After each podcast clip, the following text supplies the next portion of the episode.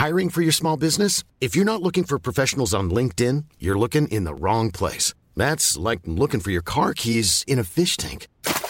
LinkedIn helps you hire professionals you can't find anywhere else, even those who aren't actively searching for a new job but might be open to the perfect role. In a given month, over 70% of LinkedIn users don't even visit other leading job sites. So start looking in the right place. With LinkedIn, you can hire professionals like a professional. Post your free job on linkedin.com slash people today. Nu kommer attack ifrån Sugarcane Hanover som går mycket, mycket fort tycker jag. Det är så fort så jag tror att Kallit kan få svårighet att svara. Sugarcane Hanover vänder ut och in på fältet. Startbilen är i rörelse till Svensk Travderby 1987. What the horse, what the driver, nummer ett McLobel och John D. Campbell. Maharaja la Suède, Maharaja s'est retrouvé, le retour, le comeback de Maharaja le 17. vid några tillfällen. Jag trodde att det var en av de bästa hästar jag hade tränat för. Det tolkades på olika vis. Du behöver inte misstolka det längre, utan det här är den bästa häst jag har kört och tränat någon gång. Vi säger hjärtinnerligen välkomna till ett nytt avsnitt av Trottosports podcast. Det är derbyvecka och jag tror att det är den tredje gången de senaste, ja sen 83 som jag inte kommer befinna mig i Malmö i helgen. Eh, De 27, Inte ens i 23 Malmö. senaste, år, 23 senaste åren har jag befunnit mig där med en god vän från barndomen och eh, på, till helgen så spolieras denna tradition. Det är för jävligt. Ja men ni kan väl träffas i Malmö och sitta på någon ATG-butik? Ja, men lite så var jag inne på. Men jag fick inte med mig min, min, min gode vän på detta. Nej, det. Han, han, han, han jobbar i helgen så han vill inte ta ledigt på grund av att sätta sig där. ja, det är för jävligt som sagt. Det är ju eh, det är min helg det här. Som uh, går mig om intet. Hur uh, annars, vad var det bästa i veckan om vi ska börja där? Får jag börja med kraft, i kraft av ålder? Ja, det tycker jag. Eh, Det har ju varit lite åldringarnas vecka om jag får uttrycka mig så. Eh, onsdags Solvalla, Hans-Ove Sundberg, en dubbel, född 1950. Den gyllene årgången. Eh, han satte ju upp Torbjörn Nilsson som heller inte är purung på Selecting News som vann och så vann Hans-Ove själv med Harvard Student. Eh, det var ganska eh, härligt att se Hans-Ove i aktion. Han har ju sagt att han ska slu skulle sluta som kusk men nu är han tillbaka. Och den där Selecting News kanske till och med kan vara en kandidat inför kriteriet. Jag skrev det till någon som la ut någonting om det. Om att Torbjörn Jansson i sulken och Hans-Ove Sundberg som tränare. Det kanske skulle vara det vackraste som hände under hela travåret. Ja, Som vi- vinnarkriteriet. Hans-Oves storebror Per vann kriteriet med boett 1969. Det skulle vara härligt att lillebror kunde kvittera det. Jag är inne på det där med åldringar så måste man ju också nämna Gunnar Melander, född 1947. Och den här, som vi har pratat om flera gånger i det här programmet, helläckre Månlycke AM. Jag trodde faktiskt inte att han var så riktigt så bra heller. Har du, du är dålig lyssnare, jag har förklarat för dig hur bra han är. Nej men du har sagt bara, du har mest eh, uttryckt hans eh, skönhet. Ja, det har du rätt i. Ja. Nu, visar, nu är han bäst i Sverige.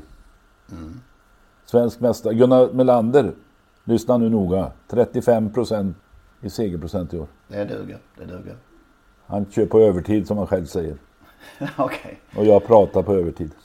Magnus, vad, har, vad var ditt? Nej, Jag, jag hakar i det Lennart eh, säger därför att det, det är helt ut, trots att det var derbykval och spännande på alla möjliga vis, men Gunnar Melander efter segern, när han som ett litet barn berättar att han får tårar i ögonen när han manar på Månlycke AM i sista sväng där och får det svaret, att man har hållit på med hästar som han har gjort i hela sitt liv. Han har en massa framgångar. Att fortfarande kunna ha den där, att det fortfarande finns kvar och att han får uppleva det. Jag tyckte det var, det var otroligt häftigt att se. Så det var en absolut höjdpunkt. Får nästan, jag tårar i ögonen när du bara berättar om det faktiskt. Ja, men tänk att kunna få upp, alltså han, som sagt, han har vunnit SM jättemånga gånger. Han, ja, han är van, som, som Lennart säger, 35% i segerprocent bara. Men ändå, och just det där att, ja, att han håller på med detta fortfarande och älskar det så innerligt så att han kan bli så berörd fortfarande. Det är, han är inte trött, va, kan man säga. Även om vi pratar om en ålderman, men han är definitivt inte trött. Jag läste att han saknar sina backar i, i, ehm, i, uppe i, vid Höga Kusten där. Grubbe, hette det så? Ja, ja, det gör det nog ja. Ja, precis. Jag har varit där. Ja. Ja. Eh, han, håller- jag vet inte, är det Gävle, Gävletakten han håller till nu? Ja, han har flyttat nyss tror jag. ja. Okej. Ja, nu är vi ute på djupt vatten. Men han är inte, han saknar backarna i alla fall he- hemma vid i sina hemtrakter.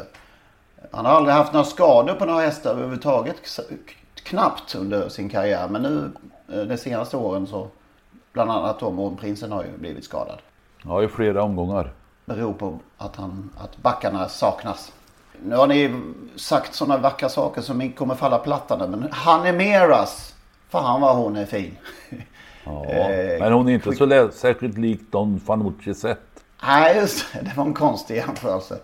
Som vi fick oss till livs i onsdags kväll där i studion nere i Värtahamnen. Men det är en av de, kanske en av de sötaste hästar jag överhuvudtaget sett. Får man säga så?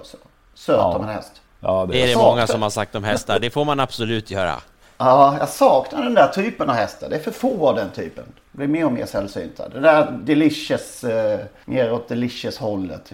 Det var därför jag nog liksom nästan gick sönder när hon slutade delicious. Att, eh, hon, jag gillar den typen av häst. Liksom. Eh, jag vet inte om Hanemeras är den absoluta kulltoppen, men det skiter jag i. Eh, hon är så Hon är- jäkla god att titta på. För dig är hon bäst i kullen. Ja, det är hon.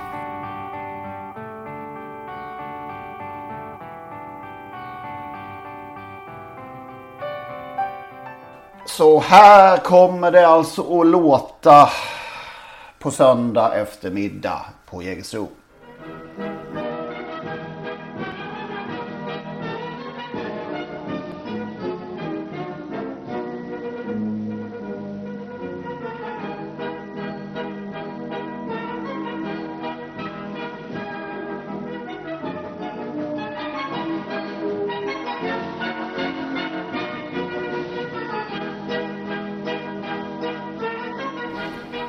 Klassiska derbymarschen. eh, Jag tror att den spelas inför defileringen va?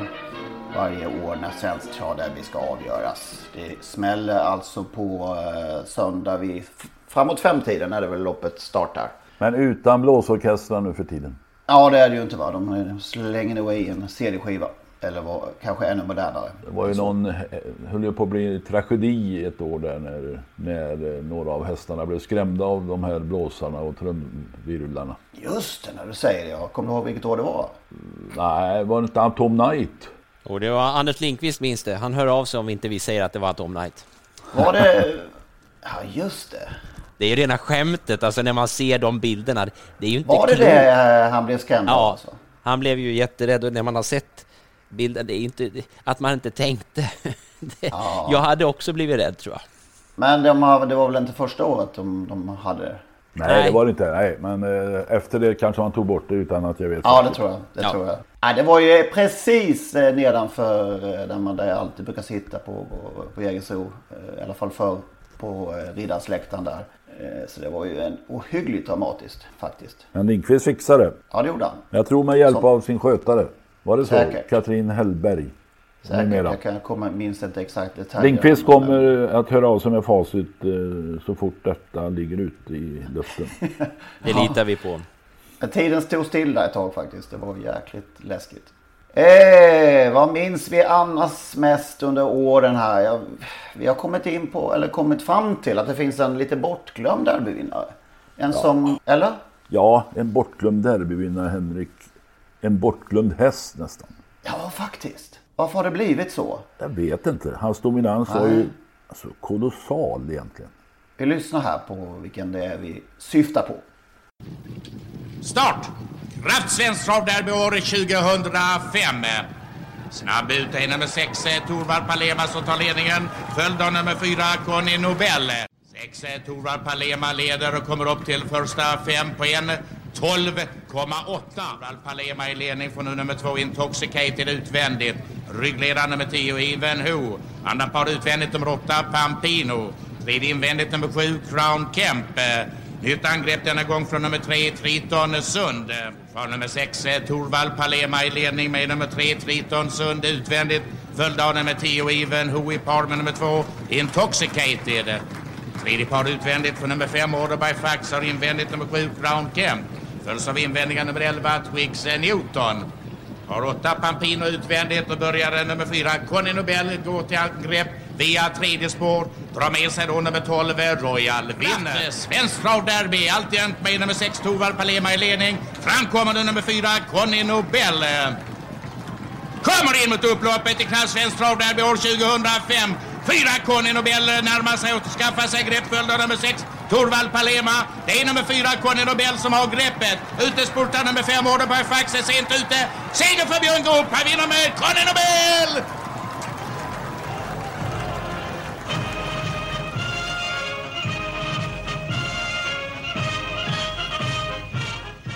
Alla stora segrar och härliga minnen ni har, vilket ligger det varmast om hjärtat? Derbyt, det tycker jag nog faktiskt ändå för att eh, det var nog det loppet som jag hade absolut ville vinna mest i min karriär och uh, det kändes som att vi la allt krut på hela fyraårssäsongen bara för att han skulle vinna derbyt och så, så lyckades han. En bra jävla upplaga var det ju också. Det var ju ingen bluffseger uh, på något sätt. Och, och, och, löpningen som han fick, det var ju... Han bombade ju runt om sista varvet och rundade då bland annat Tritonsund och Tova Palema och Intoxicated. Det var ju en, var ett bra jävla derby också. Verkligen. Eh, vad är det då med Conny Nobel som gjort att han inte ja, riktigt fastnat? Ofattbart. Alltså, han var ute i båda E3-finalerna. Tvåa i långa, vann korta, vann kriteriet, vann Breeders Crown som treåring. Som fyraåring Kungapokalen, trea i Sprintermästaren, derbyt. Som femåring i Elitloppet.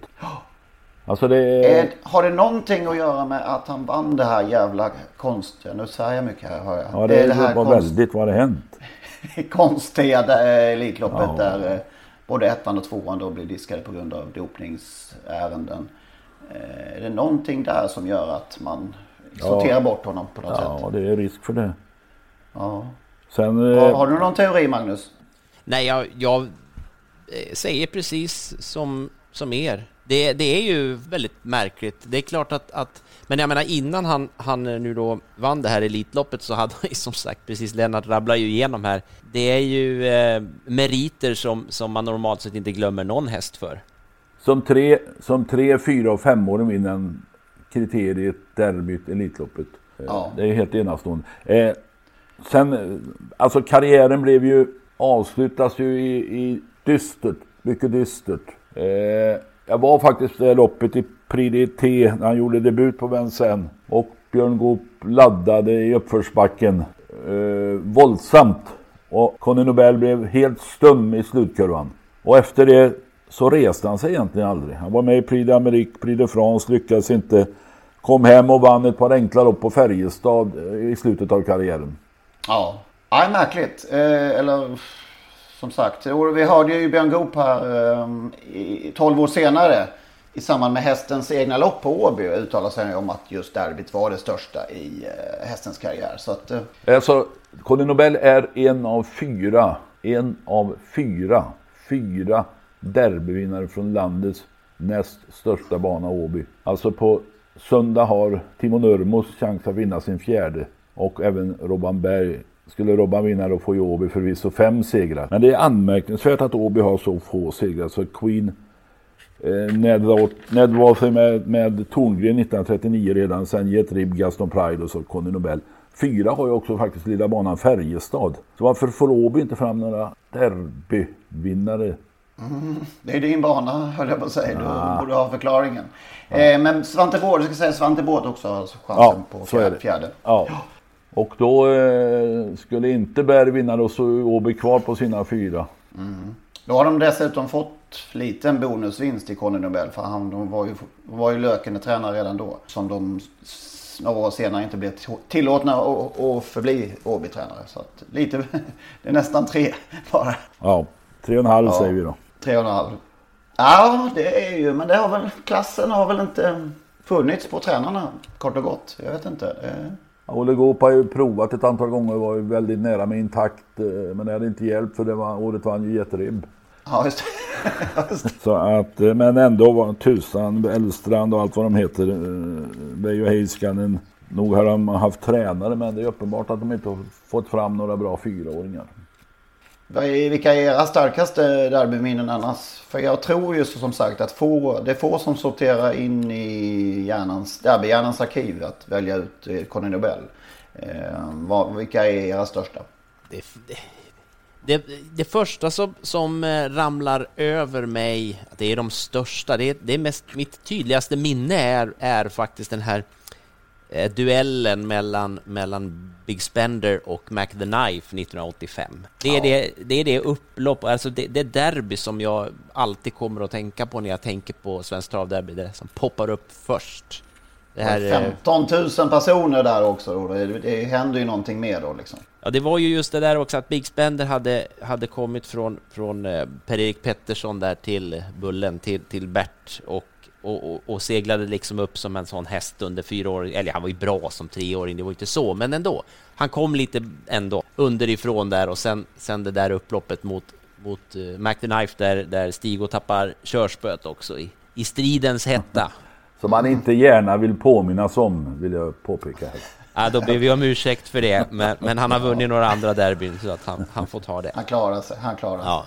Och sen ja. den här väntan till, det såg jag, det har jag inte sett, um, jag mindes inte det, men jag tittade igen faktiskt på det nu när, när i väntan på målfotot här skulle granskas och sen när när man spiken ropar ut vem det är som har vunnit, nummer 10, då skickar Bert Johansson upp högernäven bara rakt upp, precis rätt upp i luften bara och sen kliver han av eh, ur sulken och går fram och kramar om Big Spender. Det, mm. det var stora känsloyttringar för att vara Bert Johansson tror jag. Eh, alltså jag, i minnenas arkiv så poppar det upp saker då när jag tänker på derbyt. Och då hamnar jag på Majbjörn 1979. Av det enkla skälet att Sven-Gunnar Andersson kvalade in Majbjörn till Storchampionatet. Majbjörn var amatörtränad, Alf Lindholm i Gävletrakten där. Eh, sen eh, var Sven-Gunnar schysst nog att kvala in Klosterflamman i ett extra kval som han tränade själv. Och därmed fick han inte köra Majbjörn i Storchampionatet utan det blev Olle Goop som vann då. Sen fick Sven-Gunnar sin revansch som man nu kan säga så när hon vann derbyt 1979 före bra hästar, alltså Ekti Bowler, Jambro Fläck 2 3 och eh, vi hade väl lite feeling för eh, känsla för Majbjörn på, i det där loppet. Och jag vill minnas att jag slängde mitt eh, dyra tidtagare i cementgolvet där på, på Jägersros läktare. För eh, hon gav väl drygt 28 gånger om jag minns rätt. Du hade råd att, att inhandla ett par nya? Ja, en sån här, vad heter hon? Minerva. Ja, just det. Inga sådana här eh, som de har nu för tiden som talar om tiden. Då fick man räkna ut eh, tiden själv med hjälp av visare. Klosterflamman förresten. Fantastiskt namn. ja. Eh, ett derby jag inte upplevde för jag var inte född. Men jag läser i Jägersros jubileumsbok. Jag måste bara få... Det är någonting, händer någonting medan jag läser det. 1968. Björn och Birger Bengtsson.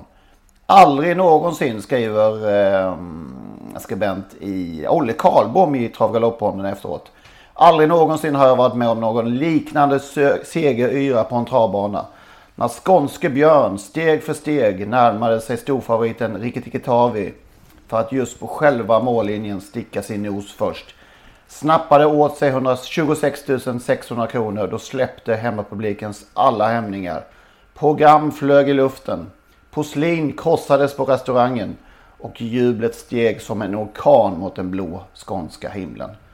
Eh, ja, man, ja, men det var nog velat, så. Det var man en... hade velat vara med där 1968 känner jag. Alltså det, jag tror du kan jämföra med att Hammarby slår Djurgården med 5-0 i ett derby. Och sånt där, va? Ja, ja. Eh, på den tiden var patriotismen mycket större tror jag i travsporten. Hemmasegrar räknades på ett annat sätt än idag. Idag blir det mer slentrianmässigt.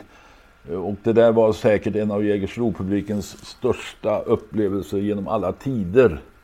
Mm. Eh, sen kom ju Mikko Frippé när han vann, var det 73 eller? Ja, 83. 83, förlåt jag blandade upp. 83 och det, då var det något liknande och det berodde ju lite mer på showmannen Bo William Takter. Birger Bengtsson var ju en korrekt herre eh, Eh, men ingen showman va, men eh, älskad av sin egen publik. Va? Han var ju stor, publikens stora favorit. På egen Banans äh, mästerchampion ska vi säga genom tiderna. Ja, elegant och korrekt i allt han gjorde. Och alltså, jag hade aldrig sett, jag såg eh, Birger Bengtsson när han gästade Axel Axvalla löpte med Gavin en gång i tiden. Tre hit, två hit och sen skilje hit. Och mellan loppen satt stallkillen sköten och putsade ekrarna på hans sulky. De, man skulle kunna spegla sig i dem. Ja, det, det, var alltså, som en ung pojk se det där var oerhört imponerande. Det var inte Var du på eh, Jägersro den här dagen, eh, Lennart? eh, 1968. Nej, tyvärr. Nej. Ricky Tikitavi tvåa och Snapphanen eh, trea. Det var bättre namn för. Var det inte det? Inga facehästar. Nej, Snapphanen var ju också ett, ett jättefint namn. Klosterflamman, Snapphanen, Ricky Tikitavi, Björn. Ja. Det är, inga, det är inget face. Leon var med också förresten. Oj. Ja. Ja, du ser. Åby hade en häst i finalen var där. Just det. ja. Men det körs ju ett lopp på söndag också. Vi kanske inte ska glömma det. Ehm, det är alltså två herrar eller två gossar. Ljuse med i startlistan. Det är ju bara en sån sak. Det är otroligt alltså. 20 respektive 22 år gamla. De kan båda bli den yngste kusken någonsin som vinner eh, derbyt va? Ja, det tror jag. Ragnar Thorngren var 24 år tror jag när han vann 1939. Och en viss Stig-Henry Johansson var nog 25, det måste han ha varit. Segelsunds Komet 1970. Eh, Mats E. Djuse kör alltså Johan Lejon, bara en sån sak att han är med igen. Det är fantastiskt alltså på sitt extremt eh, lilla material. Eh, och eh, vad heter han nu då? Magnus eh, kör ju då Jerry Reardons Aetos Kronos. Som väl är den såklart som har bäst segerchans av de två. Och då, det måste jag ju då säga i kvalet så visade ju Magnus, eh, inte Magnus, jo Magnus. Jo Magnus. eh, upp en enorm rutin eh, när hästen var oerhört stökig före loppet. Alltså det var ju lite av pappans tendenser, Bold Eagle, att springa runt och krångla och hamnade sist och satt kallt kvar där länge och lyckas avgöra till slut. Eh, det var en mycket bra kuskprestation och man måste ju också då säga att Jerry Riordan inte är rädd för att testa unga killar i, eller tjejer i sin, bakom sina hästar. Eh, De har alltså kört in ungefär lika mycket i år. Det hade jag inte riktigt koll på att de var så jämbördiga, eh, Mats och Magnus. Jag trodde Magnus låg lite före där. Nästan 10 miljoner båda. Nej, över 10 miljoner tror jag på Magnus. Ja, just det. Men runt 10 miljoner på båda. Ja, fantastiskt alltså. Hur känns då årets upplaga historiskt klassmässigt på förhand? Jag tror den är grymt bra. Ja, det är ju känslan. Det är ju Mm. känslan, absolut. Jag, man tycker ju sig, i alla fall jag, ni håller kanske med, men att nog kan man ana att vi har två, tre, kanske fyra presumtiva Elitloppshästar om ett eller kanske två år. Till och med Prix d'Amérique-hästar. Ja, definitivt. Nu blev jag väldigt nationalistisk här, men, men det är klart. De, de duger utomlands de här, några av dem. Det är ju ingen tvekan om det. De är på många som ju fortfarande känns långt ifrån färdiga. Man skulle, man skulle gärna vilja vara med eller gå in i Robert, Robert Bergs hjärna där när han funderar över vilken häst han skulle köra. Eh, han kanske hade bestämt sig tidigt och att efterhandssnacket här att han känner sig som en svikare eh, eh en efterhandskonstruktion. Han kan, till, när spårlottningen var klar så kanske han bestämde sig för, för sitt val. Det vet man ju inte. Eh, Det är ingen dålig ersättare bak, eller ersättare, han körde även i kvalet. Per Lennartsson är jäkel på att, som det brukar heta nu för tiden, leverera. Oh, ja, för, kan du Ja, ta jag bort... vet. Nej, Jag vet, jag vet. Han är ju författare för helvete. Komma med. Ja. Leverera. Men jag sa det, jag sa det med, med ironi. Stark ironi. Hoppas folk förstår detta nu att det var, verkligen var ironi. Eh, ja, men han är ju en, han är otrolig på att eh, hantera pressen i sådana situationer, Lennart- Lennartsson. Det måste man säga. Han sa själv efter kvalet att, att, att han var inte särskilt blygsam eh, när han sa att han, han, hans körhänder passar på Bergs hästar. Mm. Någonting sånt där. Och det stämmer ju. Eh, apropå det så, så är det ju ett enastående av Berg att och sätta den här Power som har varit lite vemodig hela våren och sommaren egentligen, långt in på sommaren. I, i sånt fantastiskt skick igen. Och som vi lite var inne på för några veckor sedan här när vi gick in genom derbyoddsen så det öppnar alltid upp sig inför finalen. Nu Alltså- öppna, hallå, öppnar upp. Vad var det nu för fel? Ja, men öppnar, öppnar sig heter det väl? Öpp- öppna sig, okej. Eh, Det är bra Lennart, vi måste dra en lans mot de här... Det, det är bra, vi kan ha en topplista på de orden framöver, eller de här nya termerna som har kommit, ja. Öppna upp, det är ju väldigt, väldigt populärt att säga. I tv-sändningarna hör man ju mycket sådana där. ja, ja, ja, ja. Stäng ner Ja. skiten. Det är en egen punkt. matcherna, matcher öppnar upp sig. Nej, matcher öppnar sig. Eh, nej men de Fanucci set stod ju alltså i 2,70 här bara för, ja det var inte länge sedan. Nu är, stå, nu är det alltså nästan sex gånger från bricka 8 där. Så att, Det gällde att vara kall där och vänta in oddshöjningen. Ja, man ska vara försiktig med långtidsspel. Så kan man nog summera det. Så nu är Hail, Mary för- i alla fall i talande stund eh, favorit. Eh, vad tror ni? Ja, Alltså, ja okej, då börjar jag eftersom Magnus funderar. eh, jag tror att Don Fanucci set är 30-40 meter bättre än i kvalet. Jag tror att han får en snabb start från spår 8. Vi minns Kungapokalen. Han öppnade våldsamt snabbt från spår 6 och eh, Örjan skaffar sig den position han behöver för att vinna loppet. Lät ju övertygande. Tack. Har du hunnit tänka klart Magnus? Eh, jag blev stum av, av att vi fick ju facit där, så då känns det ju på något Ja, sätt som... jag, jag också. Ja, Nej, men jag tycker, jag, om jag får då, jag tycker att eh, lutningen på Powers formnål är, ses härlig ut. Så eh, ja, jag säger Power. Per Lennartssons andra derbyseger, blir det så i så fall? Ja, i så fall blir det väl det. Det var ju då Jolly Rocket, Jolly Rocket, eh, 97 va? Ja. Mm, nu då- Magnus. då, då finns ju faktiskt bara då, eh, tycker jag då, Hail Mary kvar där. Eh, jag har ju gillat Don Fanucci sett hela, hela året, Man får se- eh, men, men får det var ju Lennarts samma. facit. Ja, nej men jag, jag tror ju, har ju trott på Don Fanucci. Jag tycker att, att eh, jag är otroligt glad att han är med i derbyt överhuvudtaget eftersom det var ju otroligt nära att han, att han kördes, kördes på och kördes ur derbyt där. Varvet kvar. Eh, jag, jag, tror, jag tror att Don Fanucci sett är bästa hästen i det här loppet. Och eh, att Örjan vet hur man förvaltar bra hästar i stora lopp. Kan det, inte vara så ändå att han har haft, han har haft längre säsong än de andra? Eller i alla fall, kan man säga så? Ja, det kan man säkert göra. Kanske eh, att, att kanske de där 30-40 meterna som du tror att han är bättre ändå inte finns där. Så här i slutet på säsongen. Nej, men jag tror han Nej, var, ju- på något sätt så gick han ner sig i form eh, inför eh, derbykvalen med, med eh, naturligtvis tränarens goda omdöme. Nu är han på väg Mm. uppåt igen. Så kan det såklart vara. Apropå, Varken, varken Daniel eller Örjan verkar ju oroliga efter, efter loppet heller där. Nej. Det känns inte som att det var några orosmoln alls för deras del, utan de var, verkar snarare tycka att det var ungefär som förväntat. Och frågan är ju om han inte kanske hade vunnit sitt, sitt kval utan att han liksom hade tappat farten där. Varvet kvar också. Så att, eh, och då hade han ju haft ett bättre spår. Men det vet vi inte. Ja, jag tror Don Fanucci sett vinner det här. Men det är ju verkligen spännande. Han borde ha fyllt sin eh, storloppskvot snart också, Daniel Redén, för året. det räknas så- inte på det viset räknas. Nej, Eh, får jag säga en sak apropå V70? Vi pratade om V75, derbyt V75-lopp. Jag hörde på någon sändning eh, någon dag i veckan när en av eh, referenterna eh, pratade om en häst som kom från en andra plats i ett STL-lopp. Och jag, alltså jag måste erkänna, jag, vad säger han? STL-lopp? Ja, så kom jag på, ja just det, det heter STL.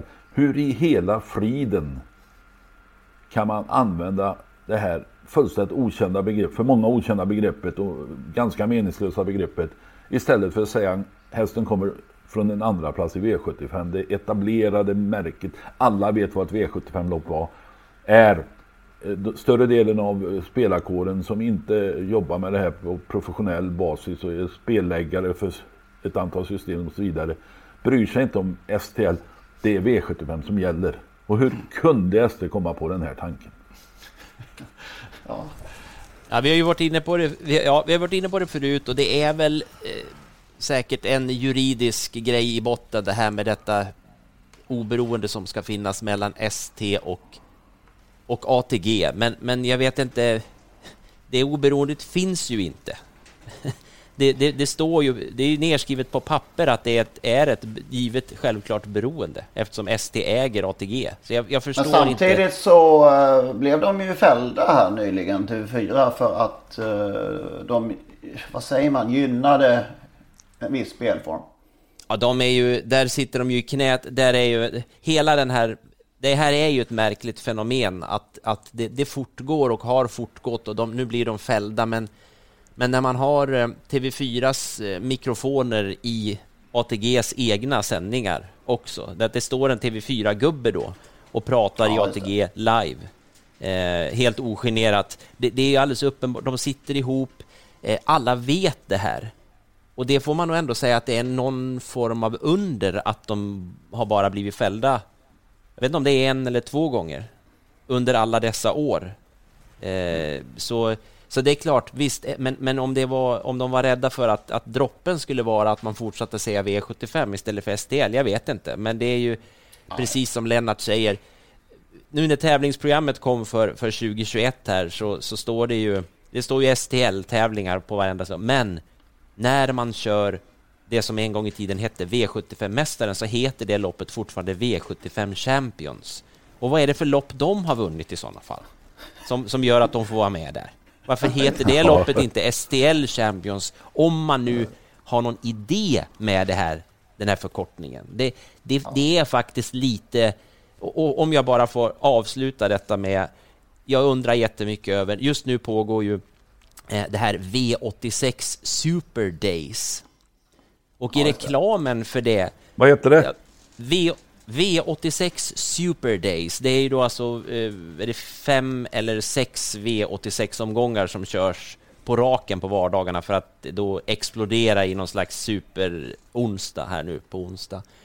Eh, men i all reklam så står det alltså V86 och efter det så står det ett sånt här litet uppe till höger, ett litet R som är registered trademark. Eh, och sen efter Super Days så står det TM som ju då är trademark. Man så att säga vill markera att vi har registrerat V86 som ett varumärke och även det här Super Days, det är ett trademark. Det ska ingen sno av oss. Och jag förstår inte varför man har det med i reklamen, i copyn som det heter på reklamspråk. Den text som vi alla läser, varför måste man? Det är alltså juridiskt har det noll betydelse. Skulle någon nu då råka skriva V86 Super Days som inte sitter på ATG, det spelar liksom ingen roll att det står de här. Det, det, det, jag vet att de har gått vilse i alla begrepp. Nu går jag igång eftersom jag jobbar med det här nu för tiden. Jag ska inte bli så hemskt upprörd. Ja, det är en lite, på, liten äh, fråga. Men det, men vad, vad, är skillnaden, vad är skillnaden mellan V75 och V86? Om man säger, den här hästen kommer från ett V86-lopp, säger man. Den här hästen kommer från ett STL-lopp. Alltså, varför Men nu Lennart, nu väcker, nu väcker du dem här. Nu väcker du dem på ST. Snart döper ja, de då om går vi det här också. Till, då går vi vidare till ett V75-lopp som är storderbyt, eller derbystort. Vad heter det? Derbystoet, det är mycket noga. Ja, det heter det fortfarande. Det kommer det att få heta. Vi tar det istället. Ja, derbystoet. Eh, ja, vem vinner det då? Alltså jag blev väldigt imponerad av den här Mi, heter den Mi Lady Grace? Som, som bara gjort ett par starter i Redéns eh, regi och eh, köptes väl egentligen som fölsto. Blev inte dräktig och nu kan hon vinna, eh, vad heter det nu derbystort. Ja, eh, mycket fin ju. För då retfull Örjan i måttning igen. Ja, och så Björn, Björn Goop. Just det, exakt. För Örjan kör ju Diana Sett som vanligt. Ja. I eh, de här stora finalerna. Ja, det blir spännande också såklart. Eh, men hittar, eh, hittar Diana sätt i ledningen här, eller hur? Ja, det är väl det hon gör. Hon hittar väl dit. Om hon inte tar sig dit på egen kraft hittar väl Örjan dit. Och jag tror att hon vinner det här. Det här är återigen jag så fascinerad av, av det. Man hör Daniel Redén. Vi pratar om Diana Sett. Hon har vunnit sju, eller sprungit in sju miljoner och redan vunnit flera stora lopp. Och Daniel pratar fortfarande om att hon inte riktigt har förstått vad det går ut på. Vad underbart! Tänk att äga en häst som har sprungit in sju miljoner och fortfarande inte har fattat vad det går ut på. Sky is the limit. Det, det, ja, det är så... Vi kommer inte få uppleva det. Att äga en häst som har sprungit in sju miljoner och eh, inte fattat. Nej, det, då har jag, nej, precis. Då har inte jag fattat att jag gör det heller. Nej, det är, det är fantastiskt. Jag tror att hon vinner. Ja, fin final va? Är det inte det? Rikt, alltså ovanligt fin. Mycket, mycket fin. Mm. Utan publik. Ja, utan publik blir det ju. Eh, men däremot så var det publik på, vid det danska derbyt som Sten Hjul alltså igen fick vinna. Som vi pratade om eh, för några veckor sedan eller någon vecka sedan här. Eh, är han uppe i nio nu då? Ja, det tror jag det var. 70-åringen Sten Hjul. Ja, och eh, spelade... Extreme, ja, extrem, ja, eller vad ska jag säga? Ja, det tror jag man ska säga. Extrem. Han hade ju den tur som behövdes eftersom han kände sig tvingad att släppa ledningen och, och sen kommer loss perfekt och hinner upp i Jörgensens häst på mållinjen. Eh, två av giganterna i, dansk travsport. Och Sten Hjul visar ju att han fortfarande duger i alla sammanhang, i alla fall i Danmark.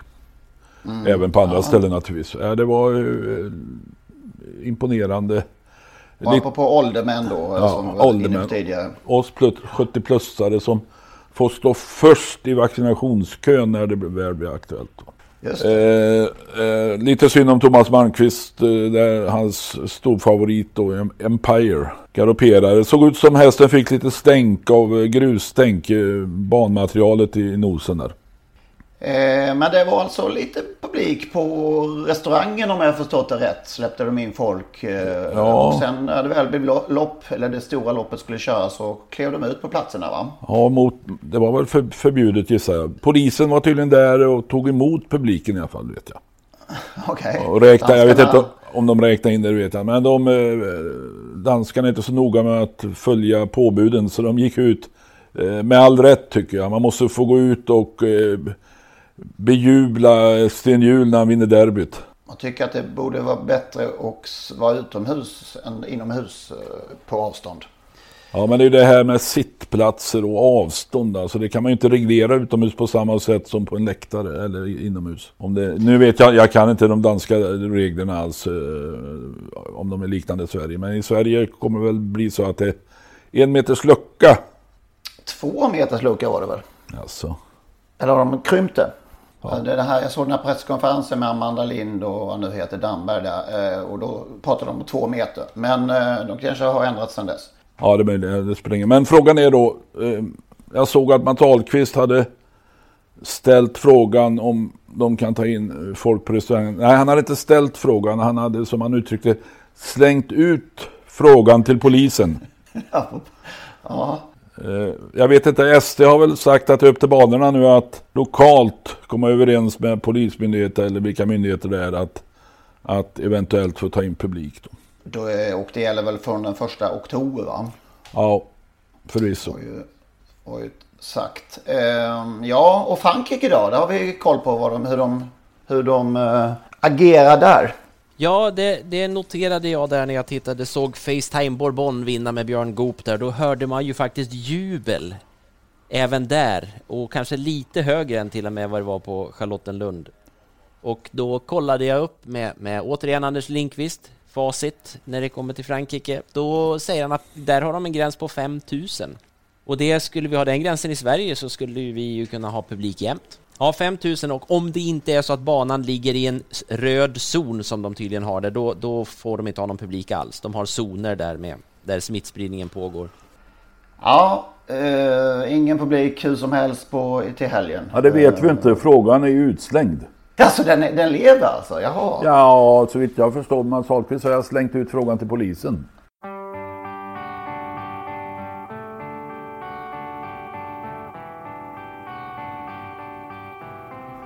Vi har ju ytterligare en person som har uttalat sig i den här barnkroppsfrågan. Definiera den så.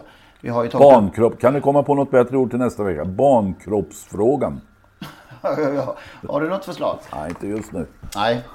Vad, eh, vi har tagit upp det i de senaste avsnitten. Anders Linkvist och Janne Takter har uttalat sig att ja, det är för hög dosering på de svenska travbanorna. Och har vi nu fått eh, ytterligare uppbackning från Åke Svanstedt som också tycker så.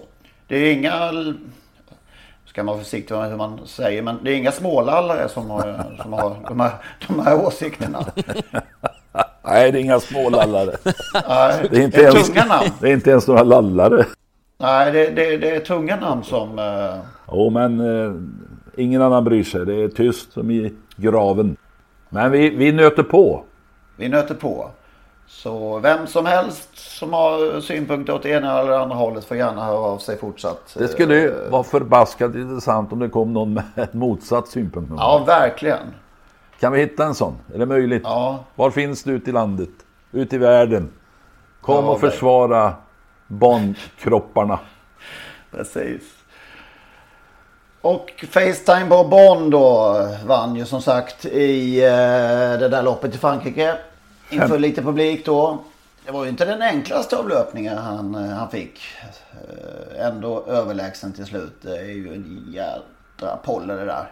Det var en jäkla skitig bana om jag såg rätt. Eller? Ja, lite lätt i alla fall. Nej, men han är ju, han är ju bäst, det vet vi ju. Är det världens bästa? Ja, det, det är alltså svårt att jämföra med de här amerikanska kusarna. Men det är klart att han är Europas bästa, det är ingen tvekan om det. Eh, Även om Ecuridi hade vunnit Hugo Åbergs Memorial så hade Fa- Facetime Bourbon fortfarande varit Europas bästa häst. Kan inte låta bli att tänka på eh, det där loppet med Campo Bahia i vintras. Nej. Som alla, alla tyckte att han skulle... Var han var redan i mål, Campo Bahia, när han eh, började jagas av Facetime Bourbon där. Men det hade Campo Bahia hade vunnit. faktiskt. Men Ja. eh, oavsett hur det hade slutat det här loppet så hade Campo Bahia, om han nu hade blivit tvåa som många tror att han inte hade blivit, så hade han ju varit väldigt nära Facetime Bourbon i De har gått lite olika vägar sedan dess. Ja, men alltså det är lite, lite det där Conny Nobel. Att springer man sig trött på Vincennes så kan man vara märkt för livet. Stigå sa någon gång, vi, stod, eh, vi stod på stallbacken på Vincennes när de började köra i uppförsbacken. Och då sa han, hästar som får blodsmak i munnen när de kommer upp för backen där, de kommer sällan tillbaka. Magnus Stålberg, vilken... eh, Ja, du fortsätter att övertyga i spellådan. Ja, det är ju otroligt eh, hur, det, hur det kan bli. Helt Ja. otroligt är det. Nej, men det är väl... Ja, men för, det är väl du måste få, alltså Magnus, du måste steppa upp det. Du måste få lite självförtroende som de här spelläggarna som är tusentals spelare som alltid är bäst. Alltid har mest rätt, alltid vinner mest pengar. Kom igen nu! Ja, faktiskt. Ja, vi, får- vi får slå på med, med, med versaler i, i rubriker och på Twitter här framöver då. Eh, nej, men man får vara ödmjuk därför att man vet att man, man, man, får, man ska liksom landa i ödmjukheten, annars blir fallet hårt. Det, nej, det, det är... ehm, det är kul! Jag bara hoppas att, att våra lyssnare tycker det är lika roligt och, och vinner någon slant på det också. Nu är det, och nu är det ju din favorit, favoritbana här till helgen dessutom. Ja, det är som sagt så. Man landar mjukt förhoppningsvis istället. Ja, Jägersro och jag har ju ingen spelhistoria som är speciellt mycket att skryta med. Men eh, så här, i den här veckan har jag, jag har ingen spik den här veckan, men jag har några måste-hästar. Jag, jag, jag fegar lite, men jag tycker hittills för tidigt i veckan för att ha en riktig spik. Jag, jag tycker det ser mm, lite sådär kul ut faktiskt. Jag- Om man går tillbaka till förra helgen såg det ju ganska lätt ut på förhand. Det blev ju förhållandevis lätt också. Men eh, Eh, jag ska nämna några hästar som jag tycker att man ska ta med. I den första avdelningen, nummer sju, Nisse Sonna. Eh, Jeppson skulle faktiskt kunna, kunna trolla iväg Nisse Sonna till ledningen härifrån. De har haft springsport tillsammans en gång förut och då kom Jeppson lite snett bara. Han, han diagonala lite för tvärt så han fick räta upp Nisse Sonna. Men nu tror jag att han har en bättre linje från början och då då har Nisse Sonna sån form så att eh, den ska absolut med tycker jag. Och sen eh, ramlar vi iväg till avdelning nummer fyra som är diamantstoet. STL Diamantstoet heter det. Ja, Förlåt. bra. Där eh, eh, tycker jag faktiskt att hon har 2000 ben, Björ- Björn Goops Lalle Pellini, nummer sju. Men hon, hon är väldigt kapabel. Eh, jag vet inte var hon landar sträckmässigt, men hon är ett absolut måste-streck, eh, tycker jag, Eh, i det loppet. Hon blir inte favorit eh, och kanske inte ens nästan. Det är rätt många redan nu som har dragit på sig mer streck. Så Lalle Pellini, nummer sju, i avdelning fyra, tycker jag. Eh, och sen så tycker jag också att i V75 6, en riktigt öppen silverdivision. Jag tycker att Star och Leonardo nummer tre är ett givet streck där. De tre måste man ha med. Ja. Men en spik, vi måste, all, folk vill ha spik. Nej, jag, jag lovar, jag säger så här, när, när och om jag under veckan kommer på en, en, en spik, då kommer den på vårt Twitterkonto. Så, det, det låter bra. Då får ni då följa oss där också på Trottosport 1. Omedelbums. Ja. Också, också på Instagram. Um, där lägger vi upp roliga bilder. Mycket go eller Viking sen senaste veckan. Det blir uppskattat. Ja, verkligen. Kul. Många fina bilder från din eh, kvalkväll där 1997 i eh, Gävle ju. Väldigt härliga mm. bilder. 98 faktiskt. tror jag det var. 98 till och med. Ja. Mm. Eh, mordet på Derby till slut. Kommer ni ihåg den? Vem, vem, sa, vem sa så? Ja, Sören förstås. Sören Nordin. Aha. Ja visst. Det var alltså 1983 som man ändrade derbydistansen från då 3140 till 2640. Jag läser också, på tal om Jägersro-boken här, den här mm, Hilding Nilsson, en stor profil på banan i typ 100 år, eller jag på säga. Ja, ungefär. Ja. ja. Uppfödare och stor hästägare, amatörchampion eh, flera gånger. Han menade att han aldrig kunde smälta att Jägersro kortade distansen. Det är barockt ur alla synpunkter och lär ha beslutats vid ett midnattsmöte i Arvika. Kanske tyckte någon stor hingstägare att den långa derbydistansen inte passade rena amerikanska avkommor utan lämnade allt för stort spelrum åt hästar med franskt blod. Han kanske sa det på skånska förvisso. Ja, o ja. O ja. ja, ja. Han har sett fler derby än de flesta. Ja, ja skulle vilja... Ja, Danmark Vem? har ju kvar 3000 meter till exempel. Vem tog beslutet? Vem tog beslutet? I Arvika denna sena ja. natt. Och varför, ja. varför i Arvika? Ja, det kan man också undra. Det förtäljer inte den här historien. Arvika, där hörde ju Rune Turesson hemma men han var ju förvisso ordförande i Hästägarnas riksförbund men att de skulle... Ah, ah. Nej. Ja, det är, det är en märklig historia alltså. Det är lite det faktiskt. Blir det månne ny distans när den nya banan står klar? Det blir det ju på något sätt. Ja, det, det måste det tydligen bli va? Ja, det blir ju intressant om man kanske går tillbaka då. Det var även så Storchampionatet kördes ju väl över 3100 meter i början. Mm. Men Stona kan jag lite mer förståelse för att de uh, kan gå lite kortare. Men Ja, det är klart att som du säger, de har kvar sin 3000 meter i Danmark. Mm. Det är bara att hoppas på att man bygger om banan på Jägersro så vi får tillbaka 3000 meter. Vill vi det? Ja, jag vill det. Du vill det? Ja. Magnus? Oh, nu var jag tyst länge. Jag sitter och tänker här. Jag har blivit så konservativ på äldre dagar. Rör inte mitt derby. I så fall ska du absolut ha 3000 meter. ja, ja, det men det är väl det ja. som man eh, själv glider in i. Eh, som när man blir intresserad. Det som gäller då gäller för evigt. Ja, jag ska inte vara motsträvig på något sätt. Jag, jag, jag välkomnar nya banlängder och då kan vi absolut också då kan jag tänka mig att vi eh, ändrar på derbydistansen också. Det är helt okej. Okay. Men på söndag då blir det i alla fall 2640 meter, det vet vi. Eh, det blir spännande. Har vi något mer innan vi packar ihop? Nej, alltså vi var inne på publikfrågan där lite grann. Eh, jag frågar lite folk jag träffar på då och då. Hur stort är suget att få besöka banan igen? Mm. Och alltså jag är inte övertygad om att, eller att hos vissa är suget oerhört stort. Hos andra, andra säger att ja men det går ju lika bra att spela på trav, att titta på trav utan att vara på banan.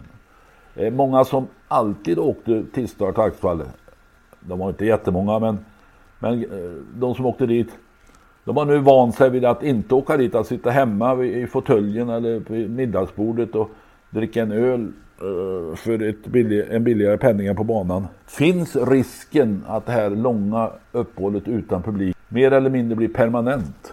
Det är många sådana här beteenden som man funderar på i allmänhet eh, som har blivit annorlunda sedan den här pandemin kom. Så det, det är ju ytterligare, det är ju en i mängden av beteenden som man under, funderar över. Eh, vi pratade ju om det för några veckor sedan också och du, du var också tveksam där Magnus ju. Ja, alltså vi, vi har ju haft en vikande trend länge och eh, kan man, kan man få tillbaka de som gick på trav innan coronan så är det ju bra. Men jag tror ju inte att vi får riktigt det och jag, jag tror definitivt inte att vi får en, en tillströmning, alltså en ökning. Det är Nej, ju det väldigt svårt att, se. Så att det, det har ju funnits förhoppningar, som vi också har varit inne på tidigare här, om att, att den här äh, exponeringen som travet fick, framförallt i början av den här pandemin när allting stängde ner, att det skulle generera ett, ett större intresse för travsporten. Det har ju definitivt genererat ett större intresse att spela på hästar. Eh, det ser vi ju på omsättningssiffrorna, men publikt Ja, det är klart. Hade, hade man öppnat bara travbanorna lagom till sommaren när travet är som allra mest fantastiskt, då hade det kunnat hända något. Men jag har ju väldigt svårt att tro att i det här det mörker som, som stundar nu, eh, rent eh, bokstavligt med, med, med mörka kvällar och så. Det, nej, jag tror inte att eh, det kommer hända så mycket på publik. Och, och som sagt, alltså, alltså publikfrågan för svensk travsport den är mycket, mycket större än att, att det har varit stängt på grund av, av eh, corona. Det är ju en jättepuck att hantera. Dessutom kommer det under lång tid finnas en rädsla hos befolkningen gällande pandemin. Eh, många är fortfarande rädda för att bli smittade när man går ut på stan eller går till butiken eller till krogen. Eh, många avstår, många eh, tvekar. Så att jag tror det kommer ta lång tid innan hela landet, hela befolkningen, alla är i normaltillstånd igen. Ja, nej, det, det, det är så. Det, så är det definitivt. Och som sagt, publikfrågan är... Eh, jag tror att det är, det, det är en fantastisk dröm att tro att det skulle bara rusa in folk genom grindarna när man öppnar travsporten i, i Sverige. Men eh, dels kommer vi väl få, få fortfarande ha en begränsning för hur många som får komma in. Men, men, eh, och sen är det ju så, för övrigt, det måste man ju säga. Ja, var, var ligger travsporten i, i förberedelser för hur man ska hantera det här? Vilka ska få komma på trav nu? Vilka är vi som får gå? Ja, det, när de öppnar upp, hur, hur ska de göra Öppnar det? upp, har man ett, ja, eh, precis. Nej, men har man, har man tagit fram ett, ett eh, system som ligger färdigt för att köpa biljetter så att man kan köpa en biljett? Det finns 500 biljetter till, till Romme och när de är slut är de slut så man vet att man kommer in när man åker dit. Och hästägarna Ja. ska naturligtvis ha, ha företräde, kan man ju definitivt tycka. Men, men hur gör man? Är det färdigt undrar man ju. Har ST redan löst det? Eller kommer man att eh, utreda det under hösten, hur man ska göra för att släppa in publik? Det var ju en upplyftande avslutning det här på podden. Ja, du, ja, vad trå- det var ju tråkigt, men som sagt, det, det är ju... Vi, har, vi lämnar ju en sommar nu bakom oss där man inte fick gå på trav en enda gång och jag, jag kan, det har ju Nej, inte, det är- hänt, mig- det har inte hänt mig sen, sen jag var 12 år, tror jag. Att jag inte har varit på trav en sommar. Nej, nej. Det är... Och nu är jag 14 år, så att det är två... Nej, men alltså det är många år. Det är, det är väldigt konstigt. Den bästa årstiden. Ja, vi har lyckats överleva det faktiskt. Mm, förvisso. Men, ja. Så är det ju. Ja. Eh, jag- har eh, nu startlistan i V757 framför mig inför lördagen här. Boos! Var inte den en, som en bomb över mål i, i, i um, Jo, derbykvalet där? Ska inte den kunna runda? Han såg Nej, jättefin ut och var hårsmån från att ta sig vidare. Han har behövt luckan två meter tidigare så hade han Ja, hunnit dit. ja. Jag Fick ju böta ganska mycket där Kevin efter någon duell i första kurvan med Jeppson. Ja, det var ju... De orden hade man velat höra. Ja. Den ordväxlingen. Ja. Ja. Där var det tur. Utan hade munskydd. Jeppson velat haft ett, ja, han skulle haft munskydd i Jeppson. Då hade man i alla fall inte kunnat läsa på läpparna. Men alltså det behövde inte läsas på några läppar där. Han, eh, han var arg. Och eh, Ja. Kevin fick ju 10 000 i böter också. Svårbedömd situation. Ja, jag tycker det. Jag skulle nog använt eh, den här gamla kloka devisen bättre fria än fälla i det fallet. Ja, jätteknepigt tyckte jag det var. Det var jag fick ingen riktig klar bild Alltså, av det. Ja. Ja, jag, tycker de, jag tycker de gjorde rätt. Jag vill vara lite positiv här nu på slutet och säga jag tycker Nej, du- domarna var bra. Jag tycker de gjorde rätt. Det var svårbedömt som ni säger. Men det, Ja, det, var, det var ingen lätt... inte är lätt. dumt och domaren dömer. Hoppas inte det blir så för stökigt på söndag i Svenskt Travderby. Som det brukar heta. Så att bäst, må bästa häst vinna. Eller vad brukar man säga? Ja, det, det är en gammal hederlig klyscha. Ja. Nästa tisdag hörs vi igen. Då vet vi vem som vann derbyt. Ha det så gott så länge. Ha det gött! Hej, Ja, hej. hej. hej.